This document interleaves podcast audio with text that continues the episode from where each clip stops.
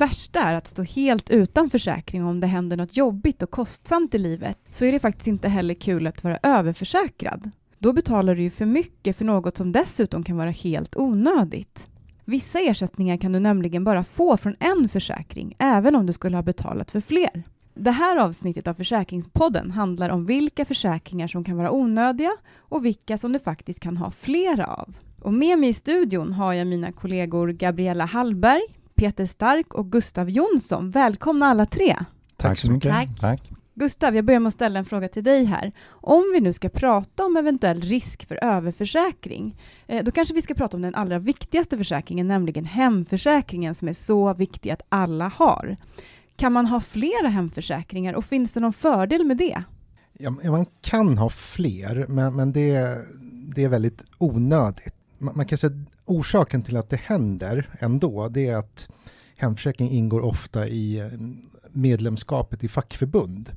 Då kanske man inte tänker på att man har det. Och kanske, all, kanske framförallt om man inte vet hur det är i familjen, att en annan sitter betalat till en hemförsäkring och så är den andra personen med i fackförbundet. Så det är väl en liten källa till förvirring. Det, det är jättebra att det ingår i en fackföreningsavgift, men man kanske inte alltid vet om det. Mm. Så, så det enkla budskapet är att är man med i facket, kolla att man inte betalar för en till hemförsäkring i hushållet. Eh, och den är ju väldigt onödig att ha. Sen visst, det är inte 100% dubbelförsäkring för vissa situationer när, när man drabbas av ett maxbelopp, det kanske är till exempel 250 000 rättsskydd. Mm. Har man då en till på 250 000, ja, då har man 500 000. Okay. Så det som, effekten blir att maxbelopp höjs. Men den vanliga situationen är snarare att man vill få täckning för kostnader eller en förstörd sak. Och mm. den får man inte två gånger. Så det, det är väldigt mycket en onödig dubbelförsäkring. Vad är det då som gäller med bostadsrättstillägg? Jag vet att vi har pratat om det tidigare i podden, men jag tycker att vi tar det igen. Kan man ha flera bostadsrättstillägg, Peter? Eh, ja, det kan man också ha faktiskt. Men det finns ju de möjligheter som finns, det är att man tecknar ett individuellt bostadsrättstillägg, så man tecknar en vanlig hemförsäkring individuellt också. Eller så kan det ingå i föreningens fastighetsförsäkring, mm. ett kollektivt bostadsrättstillägg som gäller för alla medlemmar i föreningen. Okej, och då kan man alltså få ersättning från båda? Då får man välja vilken man vill kräva ersättning från, eller? Ja, i praktiken, om, om, eftersom föreningens försäkring alltid blir inblandad som regel i en, i en skada, så blir det det kollektiva i första hand. Men i, ibland så kan det vara svårt att faktiskt få föreningen att agera om man anmäler en försäkringsskada. Mm. För, då måste man ofta göra det om man har en kollektiv försäkring. Då, då, måste man vända sig till föreningen först.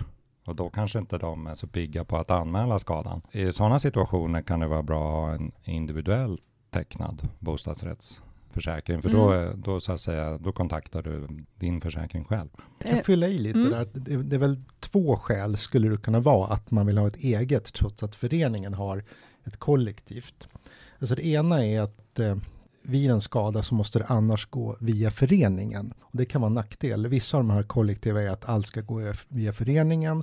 Men har du ett eget så har du en direkt kontakt med försäkringsbolaget. Det blir ja. två parter istället för tre parter. Och sen skulle det kunna vara så att det här egna har ett bättre skydd.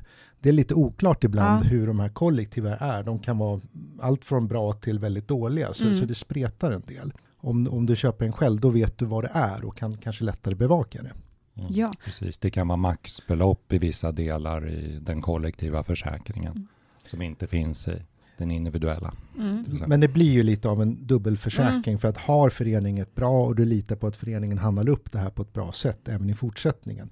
Då är det ju onödigt att betala för ett eget så, så länge det kommer lösas bra via det kollektiva. Ja, i dessa tider när, man, när allt är så dyrt så kan det ju vara onödigt att ha, betala för något som redan finns. Men mm. ja, det finns vissa fördelar i alla fall. Vad gäller då med sådana här ID-skydd som eh, vi blir kontaktade av många konsumenter som har blivit uppringda av försäljare som vill sälja sådana här ID-skydd och, och hävdar att det är så viktigt för att få en mm. trygghet. Mm. Vad säger du Peter?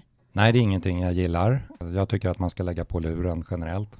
Den här, de här ID-skydden ingår nästan alltid i din hemförsäkring. Och sen är det så dessutom att oavsett vilket ID-skydd du har så kan ingen försäkring skydda dig mot själva ID-kapningen eller ID-stölden.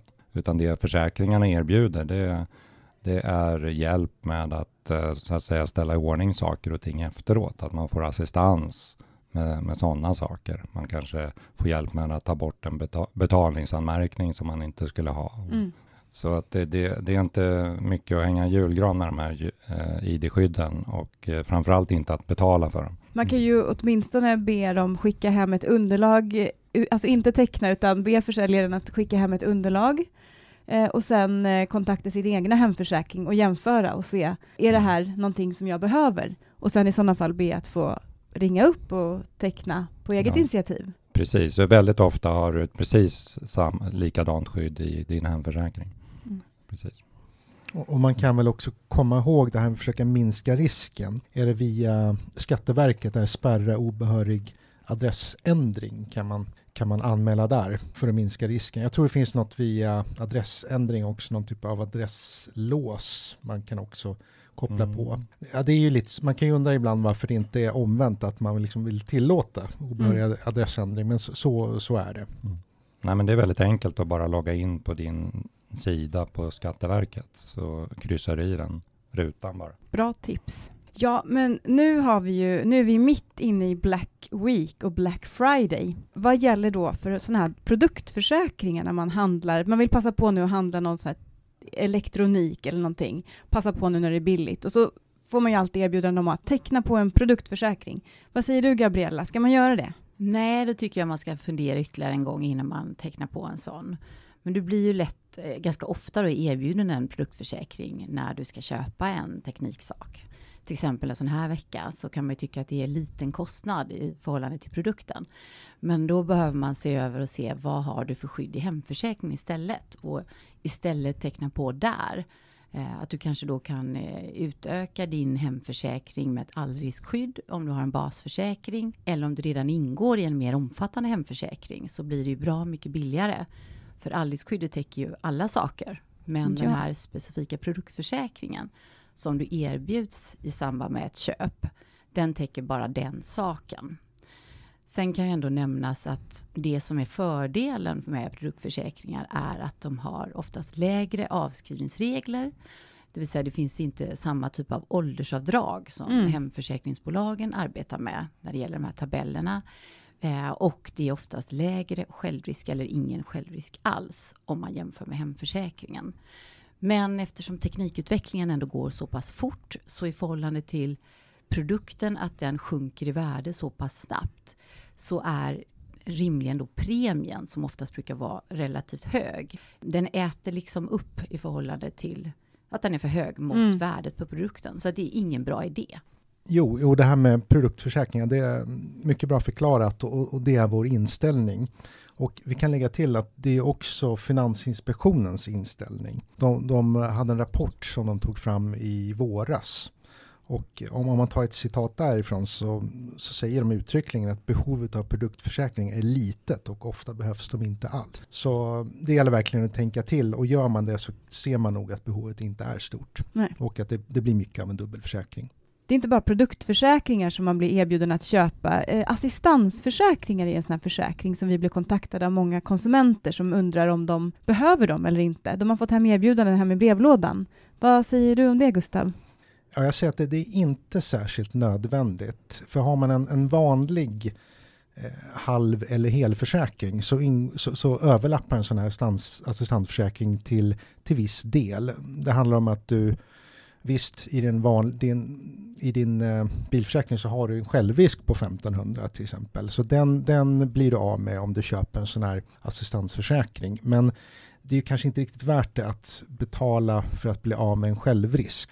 Och sen, ha, sen finns det vissa bilförsäkringar som är lite större och då ingår i princip samma sak och då, då har du inte en självrisk i bilförsäkringen. Så att de här assistansförsäkringarna bygger lite på ett missförstånd. Det är att man tänker att den vanliga bilförsäkringen inte räcker. Men det gör den, så länge man kan ta en viss självrisk i alla fall. De skulle fylla ett syfte om det var så att man om man till exempel skulle säga att jag vill ha bara trafikförsäkring och mm. sen så kopplar jag på en assistansförsäkring på det. Ja. Det är kanske det jag vill ha utöver en trafikförsäkring. Men då bygger de här assistansförsäkringarna på att du ska ha en halv eller hel försäkring för att de ska gälla. Det är Mm. vanligt. Annars är det fyllt en funktion där och där gäller det också att se upp så att man inte köper en sån här om man bara har trafikförsäkring för då kanske man betalar för något som inte gäller.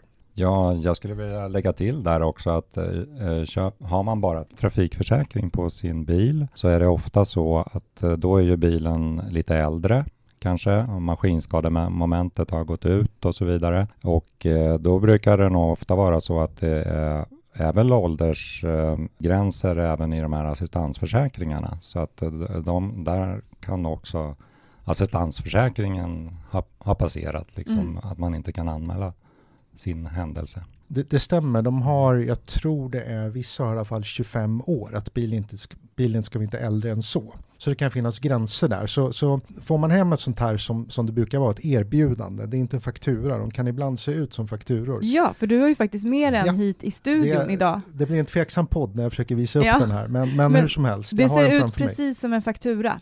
Men det är inte en faktura, det är ett erbjudande. Just det. Och då kan man säga det, det, det vi då tycker att kolla noga på sida två. Mm. Sen kan man ju, om man ska lite drastisk kan man säga att ja, men, det kanske är något du inte ska tacka ja till. Mm. Eh, kanske ska slänga det här erbjudandet. Men om man är sugen på att ändå jag vill köpa det här, Mm. kolla noga på sida två. Vänd på bladet, kolla högst upp vad det är för förutsättningar. Ja, och jag vet inte om du sa det här med att de är ofta är personliga, sa du det? Jo men de, det, det sa jag nog inte, Nej. men det stämmer, så är det. Ja. De följer alltså inte med bilen. Så att eh, om man som man tecknar den här försäkringen och sen låter man sin partner eh, köra bilen, då Mm. finns det risk för att partnern inte omfattas av assistansförsäkringen. Ja, de är kopplade till föraren, Föraren. Så, så som de är upplagda. Alltså den som har tecknat Ja, försäkringen. som- ja, precis. Den som tecknar försäkringen gäller för den personen. Mm, så det är också viktigt, för det blir vi också kontaktade av konsumenter som har missat den detaljen. Mm. Gabriella, om man ska ut och resa då? Då brukar man ju ofta bli erbjuden att teckna så avbeställningsskydd eller avbeställningsförsäkring till sin resa. Behöver man teckna en sån? Men återigen, även här så bör man undersöka vad har du för skydd redan idag? I mer omfattande hemförsäkringar och i din kortförsäkring, om du betalar ju oftast resan med kort idag, så ingår det oftast ett avbeställningsskydd. Så börja och undersök det. Vad har du för skydd idag? Och är det så att det är en dyr resa så kan de här två skydden komplettera varandra.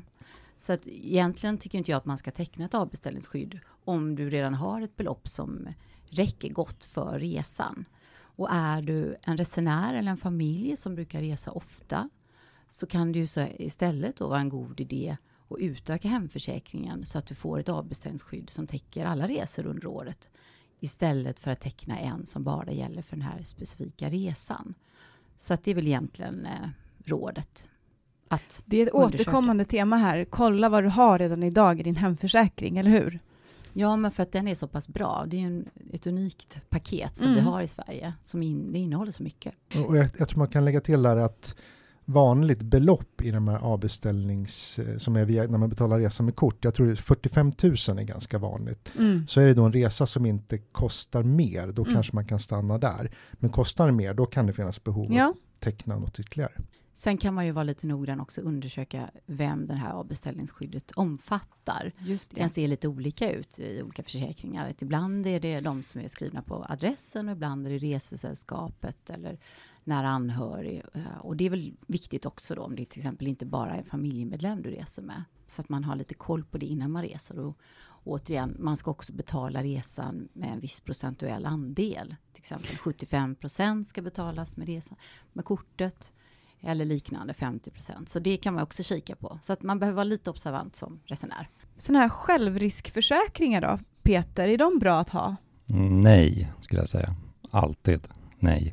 Eh, Det är eh, en extremt onödig produkt, skulle jag säga. Jag kan inte se att man eh, ens får tillbaks sin premie som man betalar.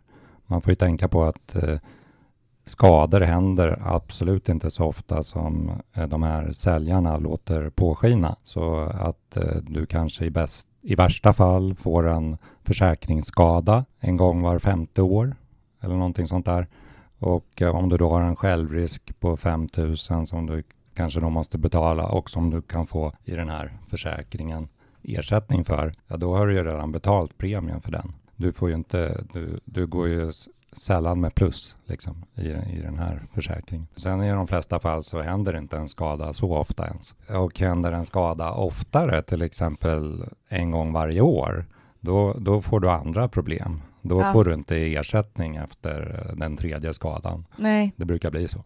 ja, då är det inte oförutsett. Då är det inte oförutsett längre. Nej. Däremot kan ju tilläggas att om man är på resa och ska eh, teckna en hyrbil, Mm. då kan det vara fördel, för där är det oerhört höga självrisker oftast. Och där har vi märkt att konsumenter ofta kontaktar oss. Man kanske inte är så noggrann inför hyra bilen, att man ska faktiskt eh, se över hur ser bilen ut, fotografera. Och det kan behövas även att man behöver eh, betala en skada som man kanske inte har orsakat. Ja. Och då kan det väl ändå finnas fördel att teckna de här Absolut, självriskelimineringarna. Gabriel. Va? Det skulle jag säga. Det var, bra att du tog upp det. För hyr man bil utomlands, då är ju självriskerna väldigt höga. De kan ju vara Mm. 20-30 000 kronor. Så det kan det vara, absolut vara bra att försäkra Mm. sig mot sådana självrisker. Och det gör man ju bara under en begränsad tid under resan. Så absolut, till en rimlig premie. Men det, Mm. det låter ju som att det alltid handlar om att stanna upp och eh, fundera på vad är det här för skydd? Vad kan jag faktiskt få från den här försäkringen? Kanske be att få titta på villkoren innan man tecknar. Men ofta ska det alltid gå så fort så att man, man stressar och kanske tecknar sånt som man inte behöver. Vad gäller då för personförsäkringar? Gustav, finns det någon risk för att man är översäkrad när det kommer till, till personförsäkringarna? Eh, inte på samma sätt. Alltså för sakförsäkringar så, så blir en, en dubbelförsäkring blir i princip en onödig dubbelförsäkring för att det handlar om att få täckning för kostnader eller sakens värde och då får man i princip bara en gång. Eh, Men på personförsäkringsområdet, då är det inte lika givet. Då kan man ha fler försäkringar. Mm. Eh, Sen är det väl frågan om man ska ha det. Därför att det kan ju bli krångligare eh, och det är svårare för överblick. Man ska anmäla till flera. Så att man kan ju tänka på ett sätt att jag tar en och så tar jag en bra. Eller så kan man ha eh, en och sen komplettera med andra försäkringar. Men det blir väl möjligtvis lite svårare att Mm. ha koll. Det, det är frågan. Men vi kan exemplifiera lite. Om, om man tar en olycksfallsförsäkring, om vi börjar där, olycksfallsförsäkringar. Då är det till viss del dubbelförsäkring, till viss del inte. För när det gäller kostnaderna, då får man det bara från en olycksfallsförsäkring. Men skulle det vara R eller bestående besvär eller, eller, eller någonting annat, Ja. då, då kan man få det från flera. Så, så det är till viss del en dubbelförsäkring. Så då kan man ju tänka att ja, jag tar en olycksfallsförsäkring och så tar jag en bra. Mm. Eller kan man ta flera, men, men, men då blir det, på de här flera så blir det någon typ av dubbelförsäkring i det Ja. för att du har betalt för kostnader flera gånger. Eller skydd mot kostnader. Mm. Och sen barnförsäkringar. Där är det nog så att man kanske vill ha en bra barnförsäkring och inte ha flera barnförsäkringar för det blir dyrt att ha flera. Alltså en situation, och där kan man ju säga att vi har en jämförelse över barnförsäkringar så där kan man se att om man vill välja en bra, vilka finns? Man kan se sådana här eh, gruppförsäkringar som komplement, särskilt om man har fler barn. För vissa av de här kan vara att det är en, kost, en och samma kostnad oavsett antal barn. Och då kan det vara ett sätt att komplettera, att det blir ett billigt sätt att komplettera en barn, barnförsäkring. Vi kan ta riktigt tydligt exempel annars med livförsäkring. Mm. För, för de, där täcker inte på något sätt en kostnad, utan det är fasta belopp som faller ut, som man redan vet från början vad det är. Så har man en på 500 000, en annan på 500 000, då är det en miljon Mm. som betalas ut till de efterlevande. Så, så där, där blir det inte på något sätt att hon tar ut varandra. Nej. Utan det kan vara ersättning från tre små livförsäkringar, något efterlevande skydd, något låneskydd. Eh, där blir man inte, det, blir, det blir ingen onödig dubbelförsäkring, att man ska plussa på beloppen. Nej, men jag bara tänkte på ett ärende jag hade idag. Mm. Eh, En konsument som kontaktade oss. Och eh, den här konsumenten hade, vars dotter hade skadat sig på simhallen. Hon hade eh, skadat foten på en trasig kakelsten i simhallen. Och mamman undrade om hon kunde anmäla det här för att få ersättning. Och där kan jag bara tänka att det är inte alla som känner till att du redan har ett skydd i barnförsäkringen Mm. och att du även får ersättning från ett ansvarsskydd. Så där ingår det nästan ett gratis dubbelförsäkringsskydd. Så du betalar för barnförsäkringen, men du har även ett skydd, till exempel en ansvarsförsäkring. Så där, Simhallens ansvarsförsäkring då? ja, Mm. precis. Eller om det är en mataffär man halkar och, eller liknande. Och det kan väl vara bra att nämna att ibland är det faktiskt fördelar att det finns ett skydd och pengar att få som man inte kanske alltid känner till. Definitivt. Och man kan ju se, se det som att alltså har man flera personförsäkringar, men anmäl till alla. Det, Ja. det är viktigt. Det, man, man kan ju säga att alla barn är väl på något sätt, eller det finns någon typ av dubbelförsäkring, för man är försäkrad via skolan till exempel, eller skolförsäkringar, eller via kommunen då. Så, så de ska, vi, koll- ska man kolla med om något händer, och har man en egen försäkring så kan det vara därifrån också. Så, så det är väl ofta det blir personförsäkring en slags dubbelförsäkring, då ska man kolla med alla. Då har vi kommit fram till veckans fråga. Och den lyder så här. På Black Friday köpte jag en mobil och dessutom en produktförsäkring till den. Kan jag ångra köpet av produktförsäkringen? Vad säger du Gustav? Ja, det kan man. När, när det är ett distansavtal, att man köper via internet eller om det skulle vara telefon eller på något sätt distans, då har man 14 dagar på sig att ångra det här köpet. Och det är så att säga när, från det att köpet bekräftades. Så Mm. även om det skulle vara säg leveranstid eller någonting, då måste man ändå se till att säga upp försäkringen från det att du köpte Mm. försäkringen. Det är inte produkten utan när Mm. du köpte försäkringen. Och skulle det vara så att du sen säger att, nej, men jag, att, att man ångrar köpet av telefonen, eh, då får man också ångra köpet av försäkringen, så det hänger ihop där. Eh, och sen finns det lite specialregler när det ång, gäller ångerrätt av livförsäkringar och privat pensionssparande, men det, det tar vi inte nu. Nej. På samma sätt om det skulle vara en försäkring som har väldigt kort eh, giltighetstid, till exempel en månad eller mindre. Men, men om vi pratar produktförsäkringar så är det det Ja. här som gäller. Okej, men det låter jättebra. Men då vet vi. Nu ska jag försöka sammanfatta vad vi har kommit fram till här idag. Se över vilka försäkringar du har och ta hjälp av vår guide Vilka försäkringar har jag? som är jättebra att titta på. Men också på vår guide Vilka försäkringar behöver jag? Där vi också går igenom steg för steg vilka försäkringar som är bra att ha, är nödvändiga och vilka man ska se upp med. Du behöver inte ha flera hemförsäkringar, det har vi kommit fram till idag. Men kolla på din hemförsäkring och se vad du har för skydd idag och vilka tillägg du faktiskt har. Undvik produktförsäkringar och eh, satsa på ett allriskskydd i din hemförsäkring istället till exempel. Och se även upp med självriskförsäkringar och ID-skydd. Och ta åtminstone reda på vilket skydd de faktiskt erbjuder. Och sen slutligen, du kan få ersättning från flera personförsäkringar för samma skada. Men du kan fundera på om du verkligen behöver alla, om du har råd med alla. Det var allt för det här avsnittet. Gå gärna in på konsumenternas.se. Där kan du få svar på de flesta frågor som du kan ha om försäkringar. Och kontakta oss gärna per mejl eller telefon om du har några frågor och kontaktuppgifter finns på vår webbplats. Tack så jättemycket för att ni kom hit idag. Tack själv. Tack, Tack så mycket.